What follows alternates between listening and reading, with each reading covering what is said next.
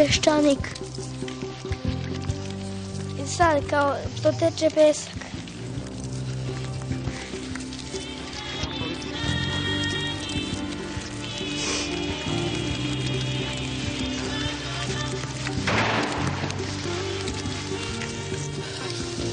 On je čovjek dosadan. I'm so sorry. On je čovjek dosadan čovjek. On je uvijek bio dosadan. Peščanik.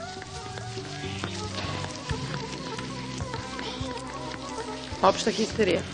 Beda, ljudska beda, ne samo ekonomska, nego i neka, ono, intimna, lična. Daj bilo šta.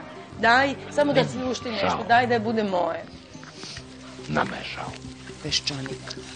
Nije bilo dovoljno snage da kaže I'm so sorry. Meni je žao. Redka je generacija koja je dobila takvu šansu kao ova. To je tragična politička generacija. Ni štetu nisu napravili veliku.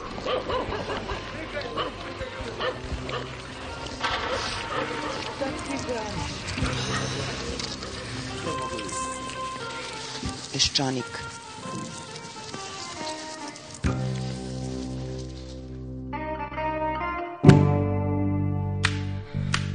Dobar dan. Često vam pominjem jednog od mojih omiljenih pisaca u ovoj emisiji, Stephena Hawkinga.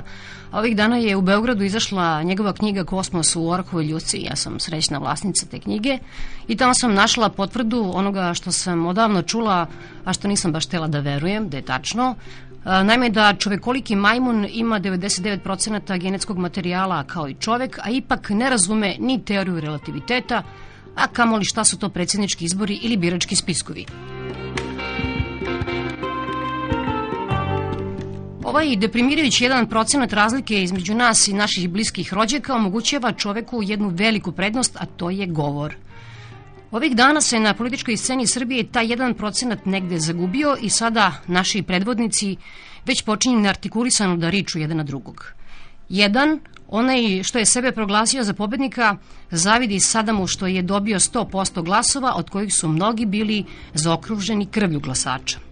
Premijer opet tvrdi da je kandidat koji je dobio 2 miliona glasova, koji je od 1083 glasačka mesta u Beogradu pobedio na 1082, u stvari najveći gubitnik. Đinjića u stvari izbori uopšte ne zanimaju. On hoće adrenalin. A Koštuničin i Đinđićev politički tata Dragoljub Mićinović hoće opet da miri svoje zabludale sinove. Kaže da porazgovaraju bilo gde i bilo kada. Mogli bi, na primjer, da se sastanu u onom multikulturnom kontejneru koji se šeta Srbijom. A kako smo počeli, svako će, kad se zaželi ljudskog razgovora, morati da uprati kontejner na leđa i da ga ponese na razgovor.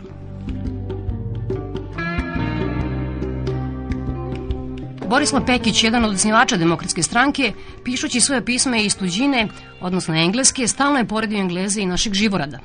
Pekić kaže, Englezi, za razliku od nas, više vole da nešto i polovično funkcioniše, nego da očekivanju optimalnog rešenja ne funkcioniše uopšte. I u Engleskoj svako hoće sve, ali se miri s tim da dobije i polovinu. A naš živorad, ako ne dobije sve, drži da je opljačkan.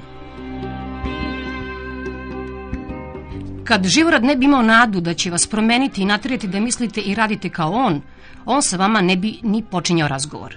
Živorad, taj večni reformator ljudske misli, povrh svega je i čedno iskren. Englez vam neće reći da izgledate očajno ni kada umirete. Živorad nije licemer i s mesta će vas pitati za kada vam je zakazana sahrana. A Zbog svega toga, kako bi Borislav Pekić rekao, ljudi ovde izgledaju kao genetički eksperiment. Ni sasvim mrtvi, ni potpuno živi. Kad pogledate sadašnju političku scenu Srbije, vidite da naša dva živorada nisu odmakla od tradicije, da smo uvek u stanju da zapalimo celu šumu, samo da bi na toj vatri ispekli zeca. Govori novinar Stojan Cerović.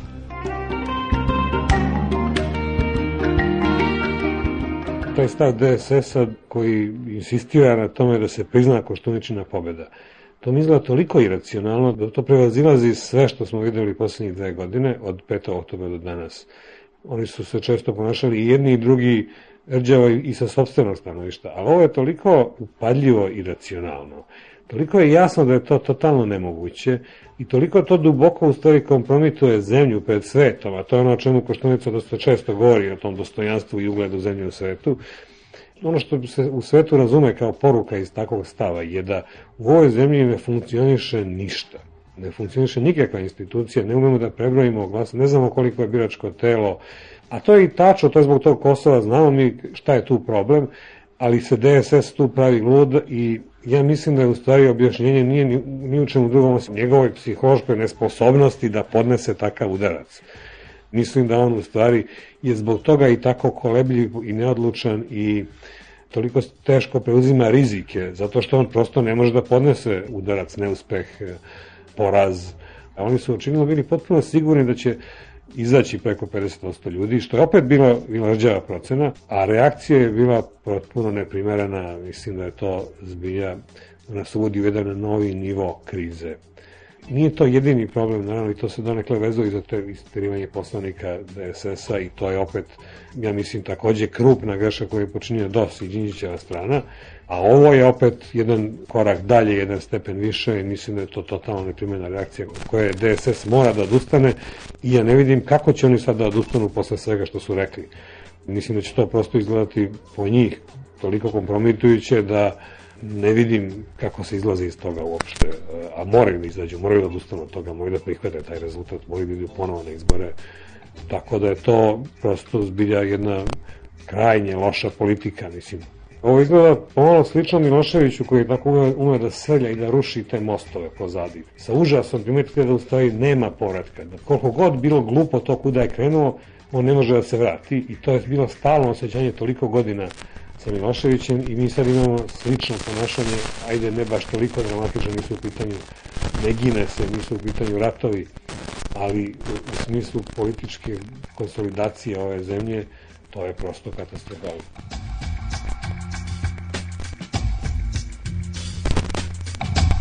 Ako sećaš, ono sa Floridom je bilo identično. Kao kad dođe do tako neke kritične situacije, onda vidiš da u stvari u tim iskusnim demokratijama američki vrhovni sud, koji je jedno nezavisno telo stvarno, i pokazalo se da je taj sud stranački bio podeljen, da se glasalo, dakle, po tom ključu znalo se koji su sudije, kojeg sudije, koji predsednik imenovao, pa je onda taj bio, ne znam, naklonjeni demokratima, odnosno republikancima i podelili su se po tom ključu. Tako da, mislim, to se pokaže na kraju da je teško u stvari i, i najnezavisnijim institucijama da odole kad se sva ta politička moć umeša i kad dođe do tog nekog ekstremnog pritiska. E pa sad mi se primičamo toj situaciji u stvari umesto jedne konsolidacije institucionalne, znači koje će nam omogućiti da sad te sve promene na vlasti koje će se događati na izborima, jeli, da, da prođu relativno bezbolno, to sad, sad smo nekako dalje, udaljavamo se od toga, sad prosto stranačka politika zauzima ceo prostor, poklapa sve te institucije, podjavljuje ih i mi vidimo da u stvari znamo kako će da se, šta će se desiti u oba ta suda, mogli smo da pretpostavimo. Mogli smo da očekujemo da ćemo proći nešto bolje, ali eto, izgleda da, ne znam, prošli smo tako kako smo mogli, ne znam, verovatno nismo mogli, mogli bolje da prođemo, bar do sada.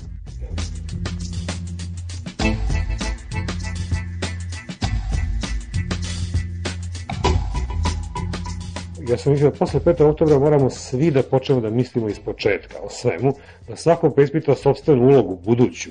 Protiv onog režima smo morali da budemo a priori i znali smo u ime čega smo protiv toga. Sad smo dobili to u ime čega smo bili protiv i stvarno više nismo mogli da se ponašamo na taj način, da budemo prosto uvek u, u opozicijonom gardu. Ja sam se osjećao dužan da prosto sobstveni neki kredibilitet koliki je da je bio, uložim u tu stvar. Zato sam bio prihvatio i to da, evo, idem da budem ambasador u Vašingtonu. Mislim, ja ne volim mnogo Vašington i ne znam taj posao, nije to nešto za čim sam žudeo celog života. Ali je to bio ta vrsta gesta. Mislim, teo sam da kažem to, da eto, ja sad, dakle, pristajem da predstavljam tu državu, nikad nisam predstavio nikakvu državu.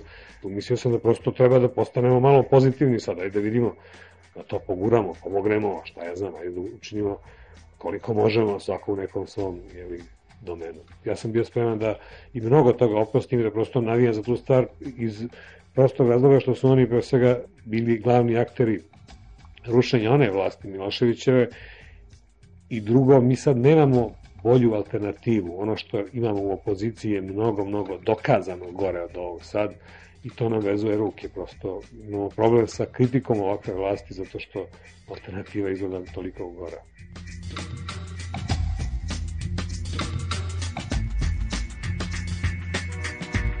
Najveći problem je to što on čovjek traži da se da njemu prizna pobjeda i da se to sve izmeni sad nakladno posle izbora. On je prihvatio da učestvuje po tim uslovima i to je nešto što bode oči, to je prosto svakome toliko očigledno da to ne može tako. I to je toliko očigledno da je zaprepašćujuće da oni na tome insistiraju, iako je to toliko, dakle, evidentno. I sad ne znam šta očekuju da postignu, mislim, prosto to je nekakva samoubilačko neko srljanje kao da on računa na to da mobiliše neke mase koje će opet izaći na ulicu, koji će da, valjda da računa da se ponovi 5. oktober i da sad oni protiv Đinđića ustanu te neke mase koje su nezadovoljne, koje su njemu dali glas.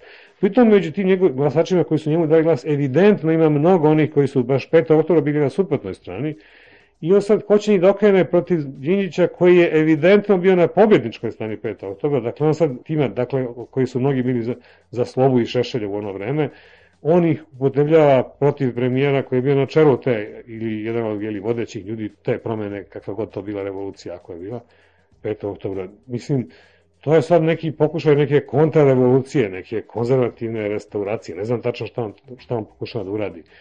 Ja njega nisam video baš tako nikad. Ja mislim da on sad otišao znatno dalje nego što je do sada bio. Ja sam video njegovu poziciju kao jednu unutar DOS-a, unutar tih svih demokratskih pravila, prosto jednu konzervativniju, jednu umereno desnu poziciju koja je, koja je bila zapravo važna u zemlji koja ima problem sa desnim ekstremizmom.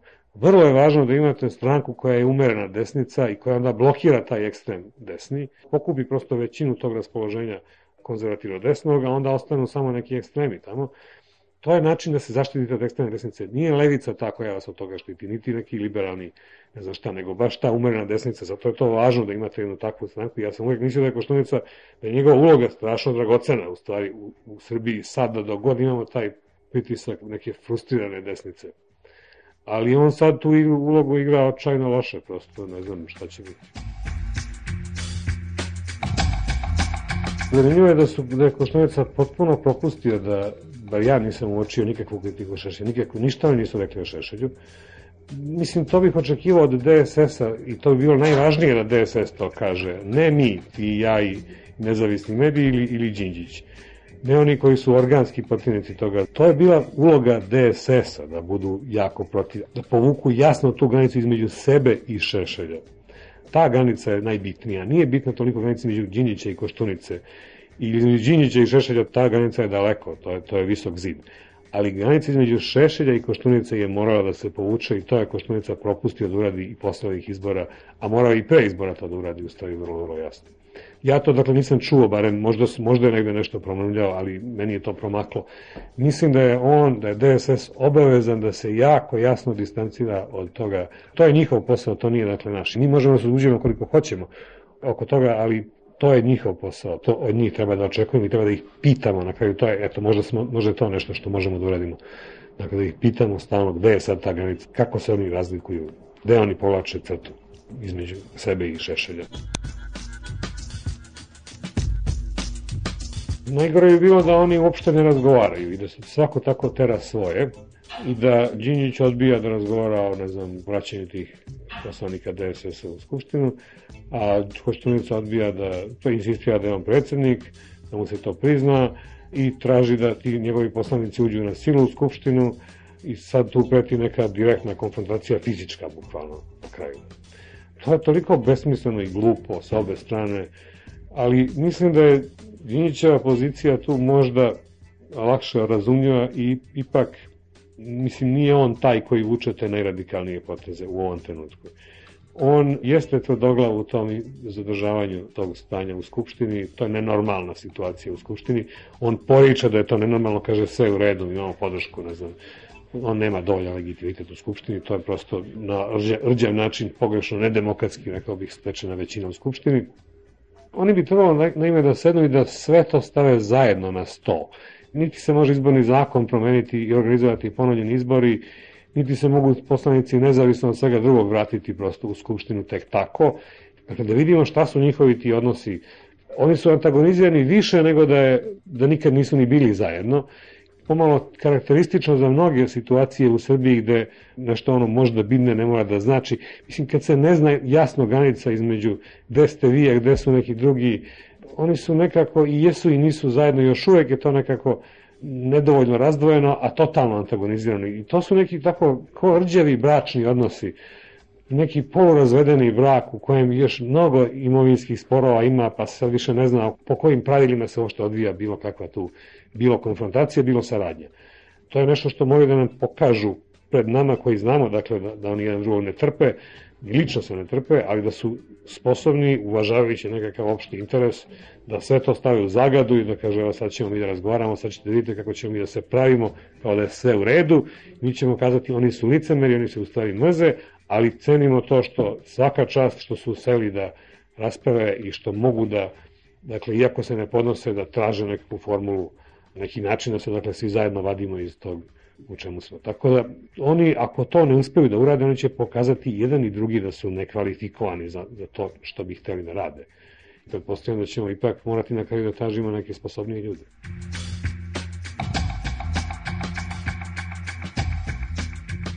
Oni možda imaju mnogo bolji stomak nego, nego ti i ja, Ceco.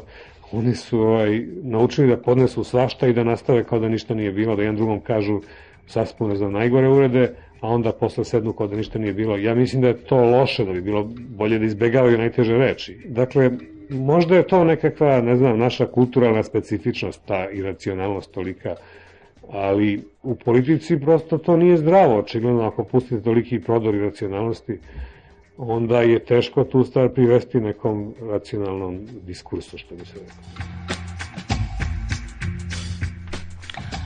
Bio Stojan Cerović, njega je su ometile razne stvari, to su tehnički problemi, izgleda kao da se širi kao zaraza, ovo što buše ulice, trotoare i fasade. Još malo pa će kuću doći da nam renoviraju.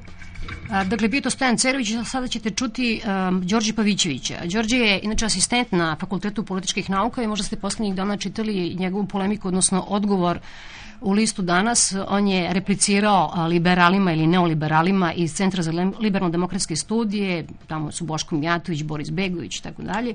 Da se podsjetim samo da, odnosno, njih sam slušala, valjda je poslednji put kad su se Đinjić i Koštunica našli na jednom mestu u Sava centru i kada im je manifest, neku vrstu manifesta čitao Boško Mijatović e, i tada je rekao između ostalog dok većina građana i političara misli i podrazumeva da država ima velike obaveze na polju socijalne politike, liberalni ekonomiste se pitaju a zašto? Siromašni nemaju pravo na dohodak, samim ti što su siromašni.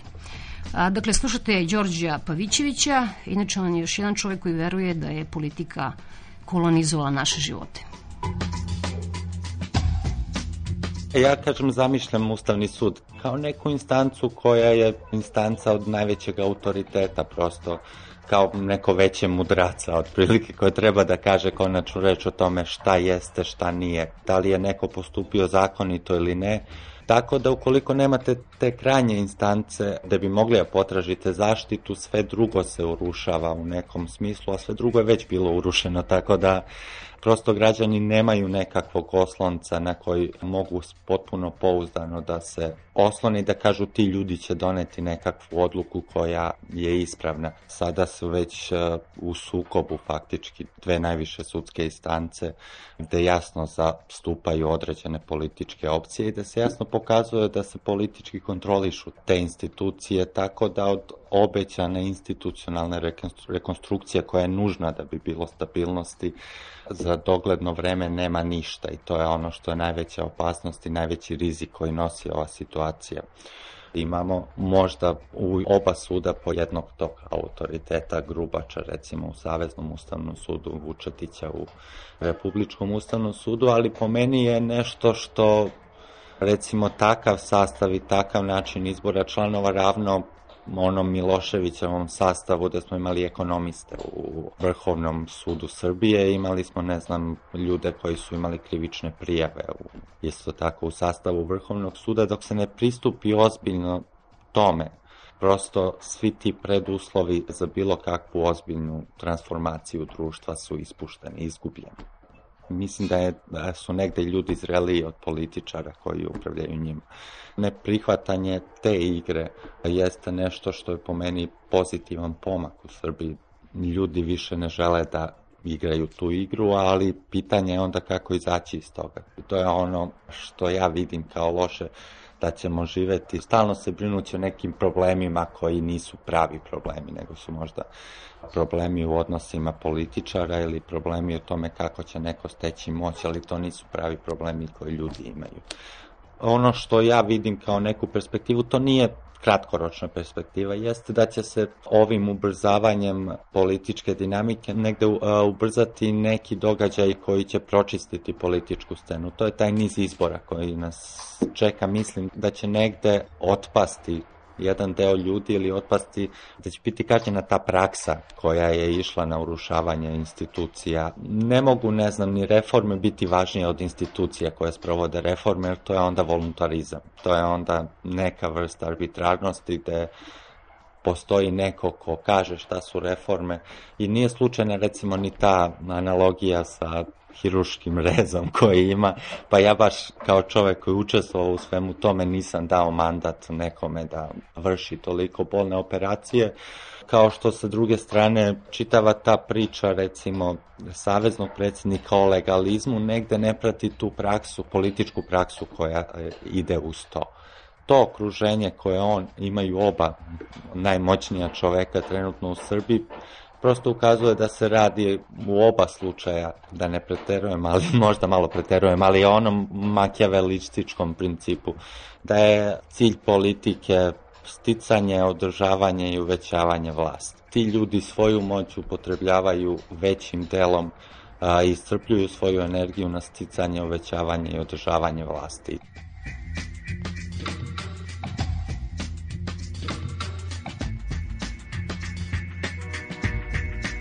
Nijedan od ključnih zakona koji bi ograničavao njihovo ponašanje kao političara nije donet. Tu vrstu samoograničavanja su ljudi negde očekivali.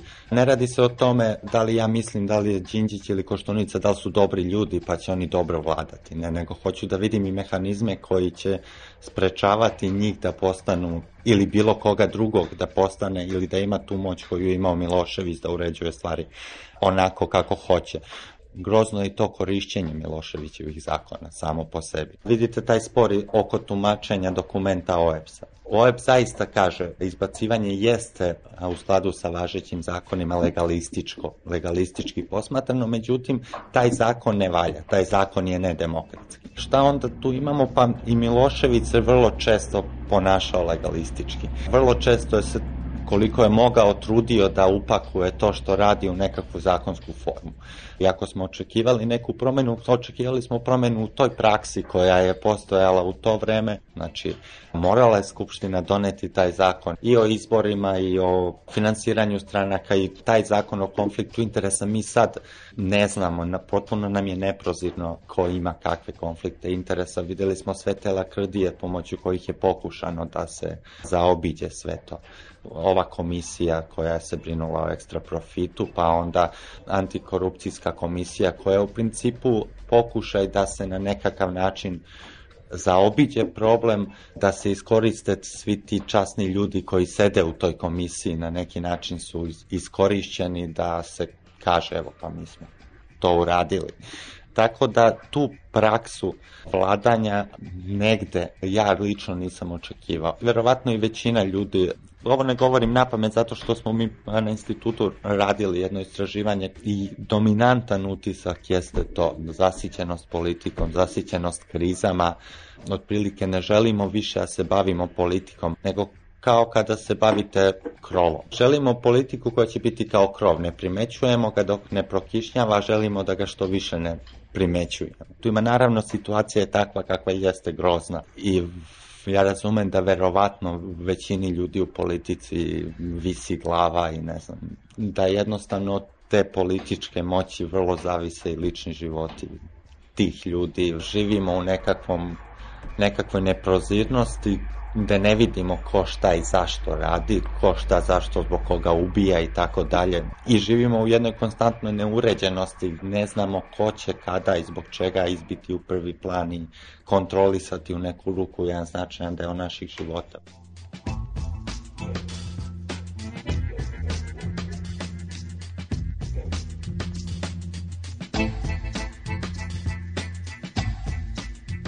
Imate tu situaciju potpuno arbitrarnog korišćenja medija.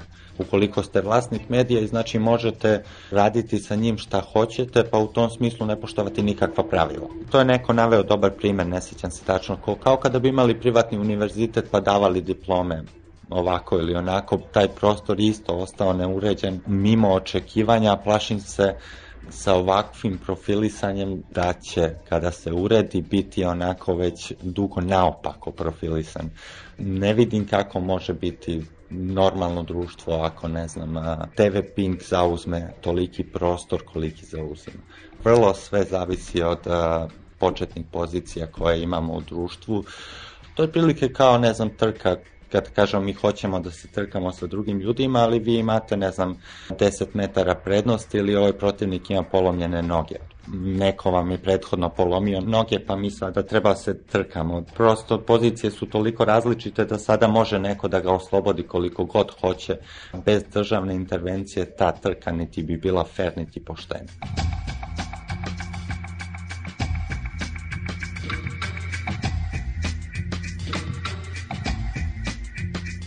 To obećanje koje tržište kao socijalni, najbolji socijalni mehanizam imao na početku nije ispunjeno. Nije ispunjeno to da ljudi kada deluju u vlastitom najboljem interesu, to ispadne najbolje za sve. Tako da je tržište uvek zahtevalo nekakve korekcije. Nije slučajno što nigde i nemate slobodne tržište to je jedan idealan konstrukt za koji ekonomisti kažu da daje najbolje ekonomske rezultate. U redu, sa tim se slažem, u stvari ne znam da li je to tačno, jednostavno nisam kvalifikovan da raspravljam o tome, ali ne možete sada taj nekakav ekonomski model reći svi mi moramo se ponašamo tržišno, jer mi prosto smo različiti, nije ekonomska sloboda jedino što mi želimo, niti uvek ta ekonomska sloboda daje najbolje rezultate u drugim poljima. Može se strukturisati društvena moć tako da ta ekonomska sloboda daje jako loše rezultate i da dovodi do nestabilnog stanja i u tom smislu tržište i nije samo održiv mehanizam. Ovde mi delo je pomalo licemeno, čak i gore od toga, reći da su ljudi siromašni zato što su zaslužili da budu siromašni, kao što veliki deo neoliberala voli da kaže za one neuspešne na tržištu. Niko vas, recimo, nije terao da budete alkoholičar, ne znam, da sedite kod kuće da gledate televiziju, zašto niste nešto ozbiljnije radili, pa bi onda bili uspešni i sada ja nisam dužan da vama plaćam, ne znam, evo taj čuveni primer sa lekarom, lekarsku zaštitu. Onda razumem, to što ste vi posljednjih deset godina meseci i mesece provali na ulici protestujući. Da. To što niste mogli da živite, ste se gušili od užasa koji je bio sa strane, to je vaš problem. Nekih ljudi koji su paralelno sa tim radili sticali. Pa Malo pa da. nehigijenski, kako je to rekao jednom Ljubimir Mačar, mm. jeste on nehigijenski, ali Kapital i kapital, tome se ne gledaju zubi baš mnogo. Ispada da je tako. Kažem, ja sam često imao taj utisak da se osjećam kao budala. Ako vi smatrate uređenu ili dobro uređenu državu nekakvom vrednošću koja je značajna za vaš život i onda se borite za to, onda vam dođe neko i kaže pa ne postoji nikakav način da mi definišemo šta je to opšte dobro za sve.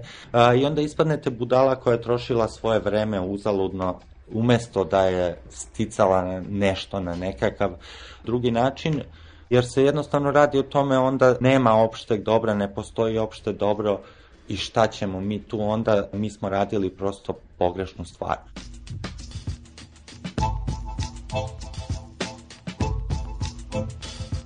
Peščanik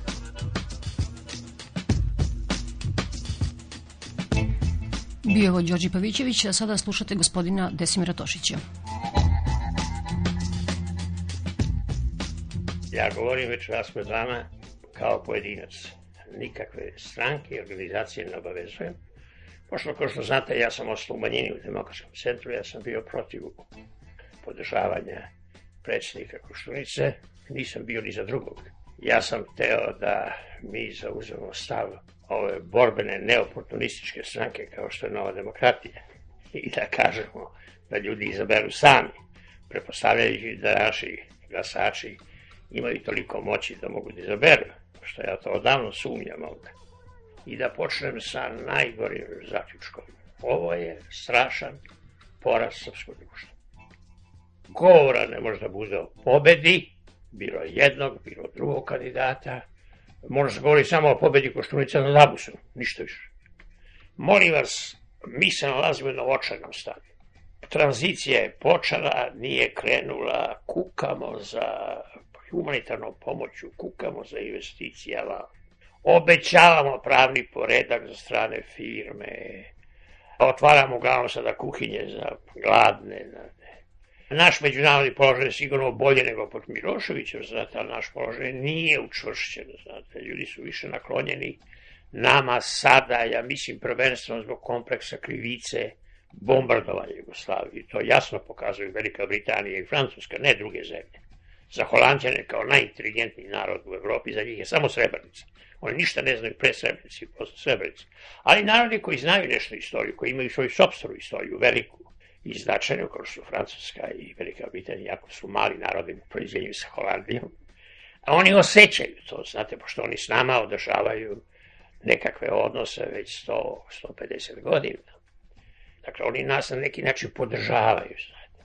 Onda, molim vas, dođu apeli, dođe apel Evropske unije, dođe apel ovoga sirotog patrijarha, koji je poslao stručnjak za apele, onda su čak upotrebili ovog najinteligentnijeg predstavnika naše monarhije i on je apelovao, dakle svi su apelovali, molili, kandidati su molili. I srpsko društvo 55% kaže ne. Srpsko društvo 55% želi da ostane u ovoj nesreći stagnaciji u kojoj se nalazimo. Dakle, da mi govorite o reformama, neka G17 sedne i neka ide na neku ispovest i na neku epitimiju i su kaođeri, da idu u manastir, da razmišljaju šta se to dešava. Ono što je još tragičnije i sramotnije, kao što smo mi zemlja jedina u istočnoj Evropi koja ima političku stranku koju je osnovao jedan policijski likvidator i pljačkaš po Evropi, mi sada imamo jedan fenomen koji ne znam da postoji u istoriji. Da čovek koji je na robi već naš slavni, inteligentni zotvor koji se zove Sludan Milošević, da on naređuje svojim glasačima koga će da glasaju iz zatvora, pa to mora da kaže da je to ovako izuzetak, znate. Posle ove stranke koji je organizao jedan pljačkaš i ubica, mi imamo tu pojavu, 25%, ako ćete 10% stanovništva, kao što ovi nesetnici na Kosovu glasaju Vojvodu od Kalobaga, koji nas je doveo na granicu na Drini, a oni se nadaju da budu oslobođeni Vojvodom od Kalobaga. Dakle, ima jedan užasan poremećaj srpskog društva i ovi izbori to pokazuju više nego ma šta za posljednjih 12 godina. Samo Miloševiću, Bože da ni ga Bog poživi, on jedan kompresjernik svaka čas, drugo ni jednom Bože da ni ga Bog poživi 100 godina. On je doveo da ne i vrati dolje. Po šatore, po šatore, nema šta. Dva brata mi je ostavljao, ba dva poginu. Nisu teli da izbegnu, izginuli. Čovjek ne spasio da ni izginemo i svaka čast njemu jednome, drugo ni jednome. Niste ni donili sliku pa ovdje da mu zalijepimo. Koji nije bolji Novo Milošević? Ni jedan. Prijesjednik nije, osim Tita što bio. A čovjek mora da umre, nema šta.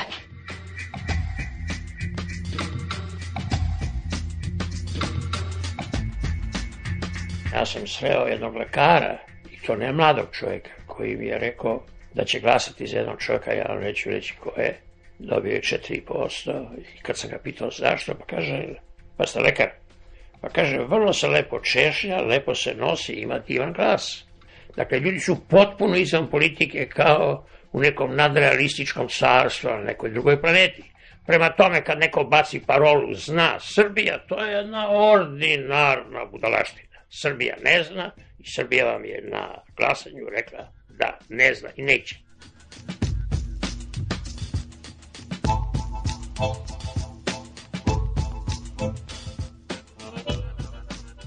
Partije kod nas kriju od ovog naroda stanje u kome se mi nalazimo. Publika nije svesna u kome se mi položaju nalazimo. Znate, kad bi sto bila svesna, ona bi učinila veliki napor i onda bi glasala. Recimo, mora da zna da tranzicija je svuda bila očajno bolna. Znate, ljudi su se izvukli, pošto učinili napor. Mi nećemo napor. Pa ste, građani neće napor. On je radije staje u redu za so ili za etin, ali neće da sede da misli koga treba da glasa i da iziđe na glasa. I dokaz je da smo mi potpuno, u stvari, možda se kaže danas posle ovih izbora, da smo mi najnepolitičkije društvo u jugo-istočnoj Evropi. Za sada je ovo najniža lestvica koja se može zamisliti. Ja imam fiks ideju, znate da je to kod nas problem koji još u 1918. godine. Samo, znate, 1918. godina je bila logičnija i možete da objasnite, mi smo bili pobednici. I to što mi nismo davali pet para, šta što Hrvati traže. Vi ste bili pobednik, sve vas velike sile priznaju, guraju, pozivaju, onda ste vi dobri teritoriju, država se povećala 3-4 puta. Ma ko će o Hrvatima da misle? Ta reakcija, znate, nerazmišljenja je razumljiva 18. godine, 20. 21. izbori, recimo kada je bilo 58 poslanika, komunističke partije bude izabrano na 350, recimo. I sad vam dođu ljudi iz doba četičkog pokreta i objašnjavaju me da komunisti u stvari partizani su došli sa Rusima. To nije istina. 58 poslanika. To je bilo 20. godina. Ti su izbori bili super. Slobodni, i nao komunisti kao pametni Srbi, oni tog čoveka koji je organizao najslobodnije izbore Milorad Draškovića ubiju, kao psa u denicom. Pa nisu te da ga udave kao, ne znam, Milana u WC-u u okolini Smedereva, tamo ne znam koje 70. godine. Tako da, to 1918. do 1941. možete uvijek da objasnite to da se nas pobeda i zaslepila nas. Ja uvijek postavljam cinično pitanje, zamislite da mi imamo moć ekonomsku i vojnu Amerike. Šta bismo mi radili sa ovom planetom? Ali sada mi nismo pobednici. Mi smo poraženi na svim mogućim linijama. I sada tu nastaje jedna velika, da kažem, tragedija politička, ne druga. I predsjednika Košturice, znate, vi ste mogli, svi mi smo spremni da kritikujemo i G17 i demokratsku stranku, i ja specijalno mi koji pripadamo malim strankama, mi imamo veliku listu žalbi protiv predsjednika Đinđića, znate, jer on nema ideju koja je legitimna, da male stranke nekako su utope u velike. To je ovako legitimno. Ali on ima jednu totalitarističku ideju, da male stranke treba zbrisati. I naravno da mi to na to ne pristajemo. Dakle, mi imamo naše tužbe, ali pazite, u ovoj izbornoj borbi su upotrebljavani takvi argumenti, ništavni. Vi ne možete da kažete da ovde nema promena i reforma. Možete da kažete nisu dobre, nisu dovoljne, da usput ima mnogo aferaša ili starih mangupa iz finansijskog biznisa, iz novina, sve je to tačno. Mi smo u strašnoj dilemi u privatizaciji, imate dilemu između dva faktora. Ili ćete uzeti stare mafijaše iz Dova Biroševića, da učestvuju u privatizaciji, ili ćete uzeti strance. Sigurno da su stranci bolji, u svakom pogledu. Problem je to što je ovde narod opterećen nacionalizmom i ksenofobijom. Razumete? Tako da mu se čini kad kaže stranac, naši ljudi ne mogu da shvate da je ogroman japanski kapital u Velikoj Britaniji. Naši ljudi još vide granice. Ja imam prijatelja, ne znam da vam kažem gde, koji traže da se zabrani izložba fotografije, jer one nisu objektivne. Treba vlast da dozvoli samo objektivne izložbe.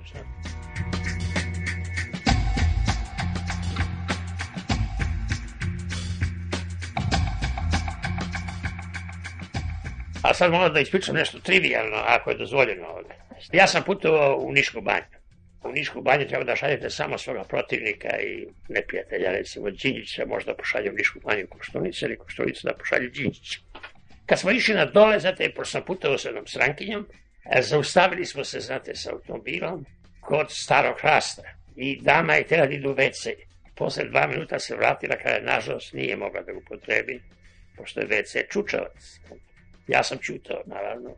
Ne mogu da izgubim patriotizam u takvim trivialnim slučajima. A nisam teo ni da branim Čučevac. Znate. Kad smo se vraćali natrag, znate, da dame i neki drugi prijatelji zastave se ponovo, ali s desne strane nije bio stari hrast, nego je bila Vijena, bečka neka kompanija, odličan servis, cene potpuno pristojne, da ne kažem iste, veliki izbor raznih kafa, i ova dama opet oći u WC na nesreću. Ode i vrati se posle dva Kaže, nisam mogao da uđem. Zašto? Pa stoji red žene. Sad, pošto žene vide to jedini WC koji liči na WC. i svaki hoće da ga iskoristi. Vidite, to vam je konkurencija. I to vam je koliko naš svet neće da vidi, očevidno jedan broj stanovnika uviđa, znate, samo nije dovoljan broj, znate. A ovde ogromna većina to ne osjeća i to dogod se ne promeni, dok mlađe generacije to ne promene, znate, to će ići rđavo ko što sad je rđavo.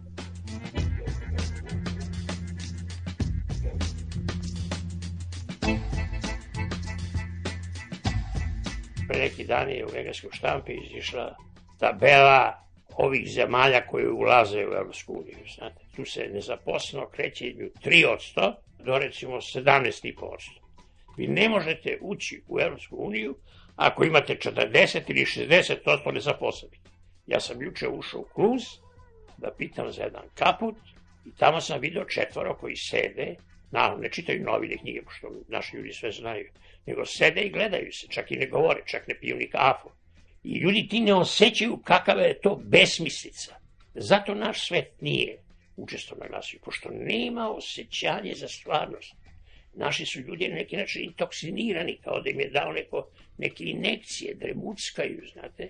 Onda i jurnu 5. oktobra, naprave rusvaj, obore vlast, prevrat, a onda posle nastane spavanje. Malo pre ste rekli da s jedne strane je ta zamerka primjeru Đinđiću koji ide okolo i likvidira male stranke, a s druge strane mislim da ste počeli prvo tome da recimo uh, imamo Vojislav Koštunicu koji izgovara te rečenice, video sam leđa Titu, video sam leđa Miloševiću, video ću i ovom režimu. Da je i gore nego što je pod Miloševićem. Za mene je taj govor bio poziv u građanski rat. Prvo, kako mi je ono obaranju Titovog režima učestvovao. Ja neću ništa da kažem o njemu lično, ali ga se ne sećam iz velikog broja disidenata koji su proveli ne samo na informacijonim razgovorima, nego ležile godine robije. Đilas, Mihajlov, profesor Đurić i Dekneveđa. To je prva tačka. Drugo, moram da kažem, iako sam ja malo stariji antikomunista od predsjednika Košturice, porediti komunistički režim sa Miloševićem, to je zaista ne razumeti ništa u političkim stvarima. Milošević režim je bio promena. To je bio početak tranzicije, samo Milošević nije bio sposoban, nije tako inteligentan, jedino inteligentan u Hagu. Dok nije došao u Hag, mi ne bismo primetili da je on inteligentan. U stvari, on je pravi čovjek u Hagu. Ali on siromah je započeo. On je dao multiparty sistem, tako? I ja smatram da je to bila podvarna manipulacija. Ali to su bile promene. Prema tome, staviti čak Miloševića pored Tita, to je neznanje ili slepilo. Ili misli da smo mi neznalici. A onda, molim vas, Đinjića pored Miloševića. Pa slušajte, svaka vlast liči na neku vlast. Razumete?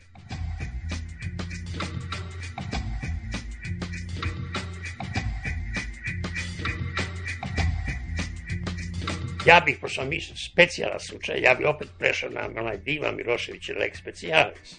Ja bih, brate, predsjednik, pošto nisu proglasio predsjednik. Pa kako sam? Pa dobio većinu. Znate, sa ne, neispravnim spiskovima. Pa ja nisam ni siguran kakva je bila većina 5. oktobra, odnosno su bili dve. To je meni sumnjivo, znate. Prema tome, pošto očevidno on dobio više, znate. Što malo pre rekli, jedino što je izvesno to da je Koštunica pobedio Lagus. Ništa drugo nije izvesno, sve ono poraz. Da se on proglasi za to, to je već znači popušanje, sve, vraćanje DSS-a, rekonstrukcija vlade i teranje točka dalje, to je znači povelja, pripremanje ustava, jer ljudi mnogo pričaju o ustavu, znate, ustav se ne pravi za tri dana. Ustav mora najmanje godinu dana da se priprema, da se govori, da se piše, da se diskutuje, da se svađamo, znate. Ja lično moram da vam kažem, ja se potpuno za ženski ustav, to je Lidija Basta, znate. Taj je za mene nacrt ustava potpuno na visini i evropskoj i da kažem našoj, u nekoj abstraktnom smislu te reči, jedan modern evropski ustav. To je ono što je Beogradski centar za ljudska prava tako, organizovao. tako, tako, tako. Ja shvalim stalno taj ustav, iako nikakve veze nema s njima. Vi znate kako je ustav 88. A, to je vrlo interesantna istorija. Da vidite kako je to bio drugi narod. Kralj Milan je hteo da napusti presto. Zaljubio se. A nije bio star kao ja, bio mnogo mlađi od mene. Ali je bio profesionalni ljubavnik. Znate. U neku jermenku koja je bila žena neko diplomatsko činovnik. On je posle nju napustio kad je pobegao na inostranstvo, jer se ona počela da se goji, znate, a čovjek je imao ukusa i nije mogao sa ženama debeljucama. I ovaj, sad on hoće sinu da ostavi jednu zemlju u boljem stanju nego što je bila pod njim.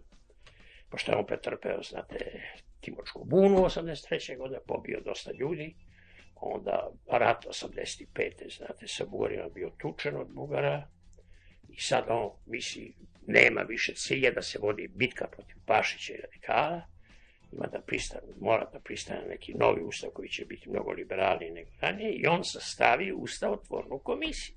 Sve tri stranke, jako radikalna bila 60-78, ali svi po isti broj predstavnika, znate.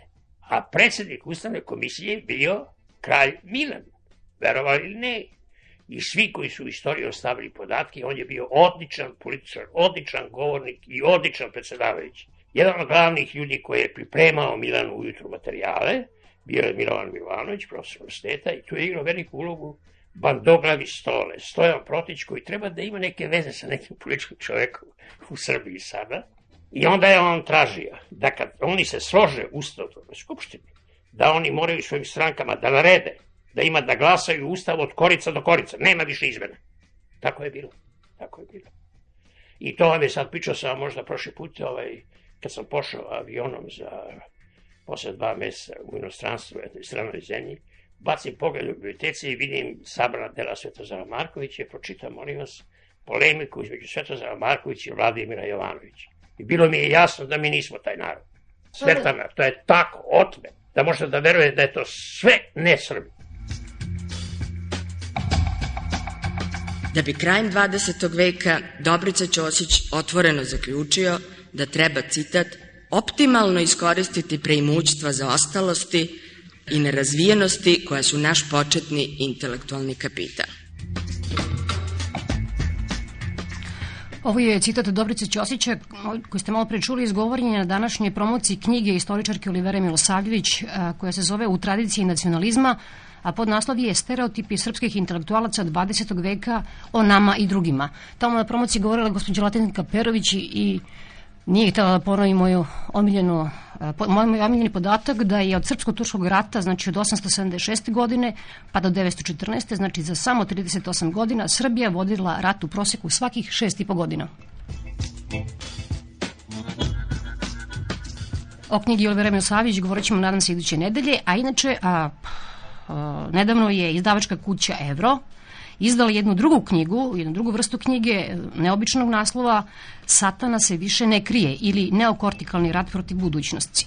Pisac je gospodin pukovnik profesor dr. Svetozar Radišić, donedavno i port parol Vojske Jugoslavije.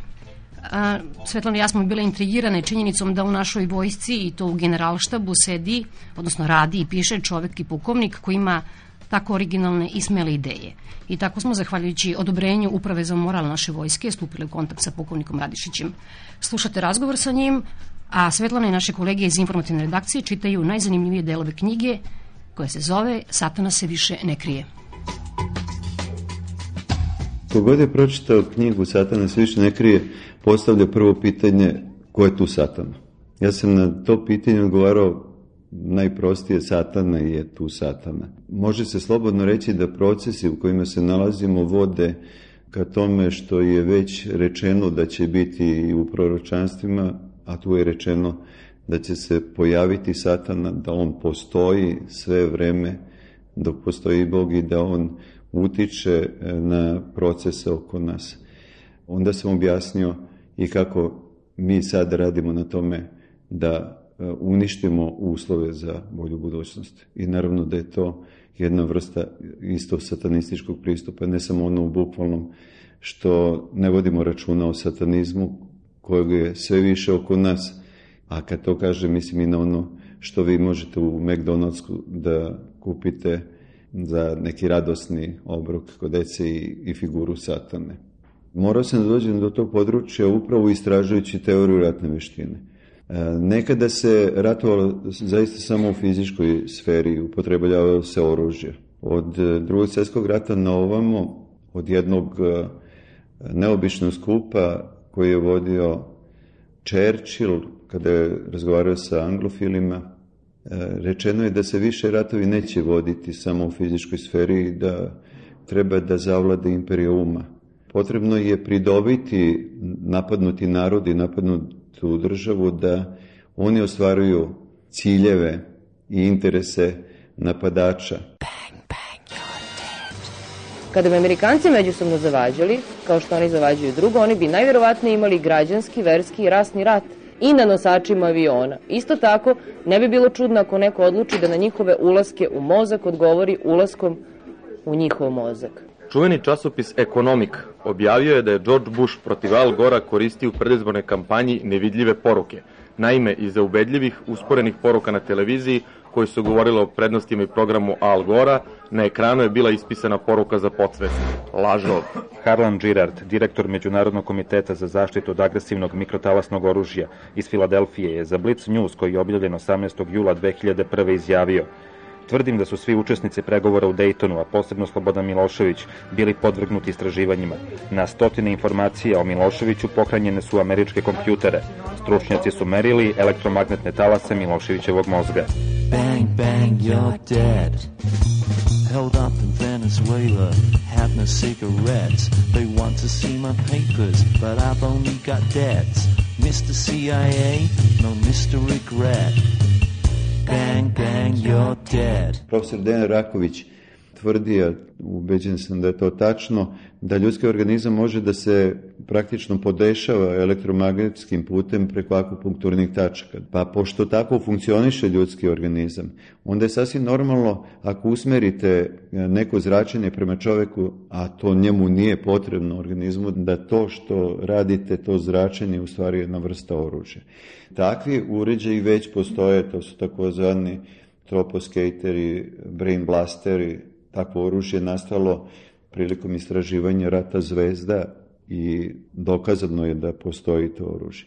U istoj toj sferi je uticaj u mnogim meditacijama sekti. Zato je jedno područje u mojoj knjizi posvećeno sektama, jer prosto meditant dolazi u takva stanja da je moguće da to je neka vrsta hipnoze u stvari, moguće je da uradi nešto što mu se saopšti u onom stanju u koje zapada za vreme meditacije. Ali postoje i sekte poput Scientološke sekte koju sam ja obradio, jedno je recimo zanimljivo da je Albanija Scientološka praktično država, pa ne bi nikad rekao ništa ružno u Scientološkoj sekti da e, u njihovim materijalima e, ne piše da su sledbenici Rona Lafayeta Habarda koji je sam sebe proglasio antikristom i sledbenikom Alistera Crowleya i da se ne hvale da mogu da isperu ljudski mozak za manje od 20 sekundi, kaže brže od Rusa.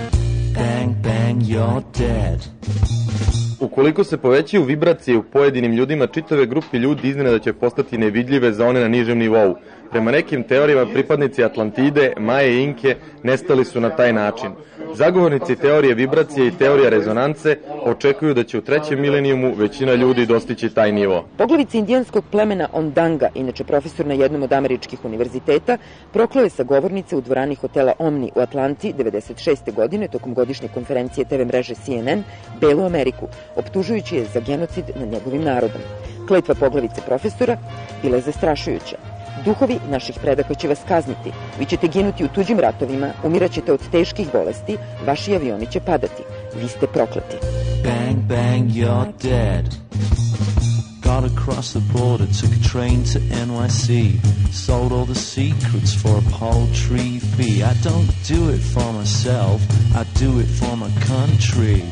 Bang, bang, you're dead. Čini se da mnoge stvari mi ne radimo kako treba. Dakle, prosto nije normalno da država koja ratuje deset godina nema doktrinu odbrane. Recimo, mi u ovoj državi nemamo definisan odnos prema religiji. Da li je moguće da mi u posljednjem ratu gubimo duše u toj sferi tako što nam zvanično ministar inostranih poslova kaže 10.000 Srba je pokatoličeno u ovih posljednjih deseta godina. Znači, po nekim indikatorima se vidi da naš taj arhetipski mozak ne funkcioniše. Dakle, kada razmišljate o tome šta mi ne radimo kako treba, onda možete pomisliti i na to da li je možda i uticano na nas. Možda i jeste. Jer nije logično. Recimo, mi je bilo simpatično, pre neki dan kad sam pogledao listić za izbore, pa tamo imate, kaže, prvi Vojislav Koštunica, drugi doktor Miroljub Labus. A ja znam da je doktor Vojislav Koštunica da je i on doktor. On se postavlja pitanje kako je moguće da nama to promakne i da to dođe na taj nivo i da to dođe svim nama u ruku, a da to prethodno neko ne vidi. Da li je moguće da neko skida nekom titula? Bang, bang, you're dead. Kada je vaspitačica Nada Miljanić iz Novog Beograda upitala decu zašto pokušavaju da pomore poklopac šahta, u čemu su skoro uspeli, odgovorili su i mi smo hteli da kao ninja uđemo u kanalizaciju. U vezi sa prisutnošću vudu ratnika na kosmetu, objavljena je 2. oktobra 2001. izjava generala Williama Billa Davida, komandanta američkog kontingenta u sastavu KFOR-a. On je tada rekao, svaka armija ima jedinice sa parapsihološkim moćima, te jedinice daju podatke i potvrđuju poruke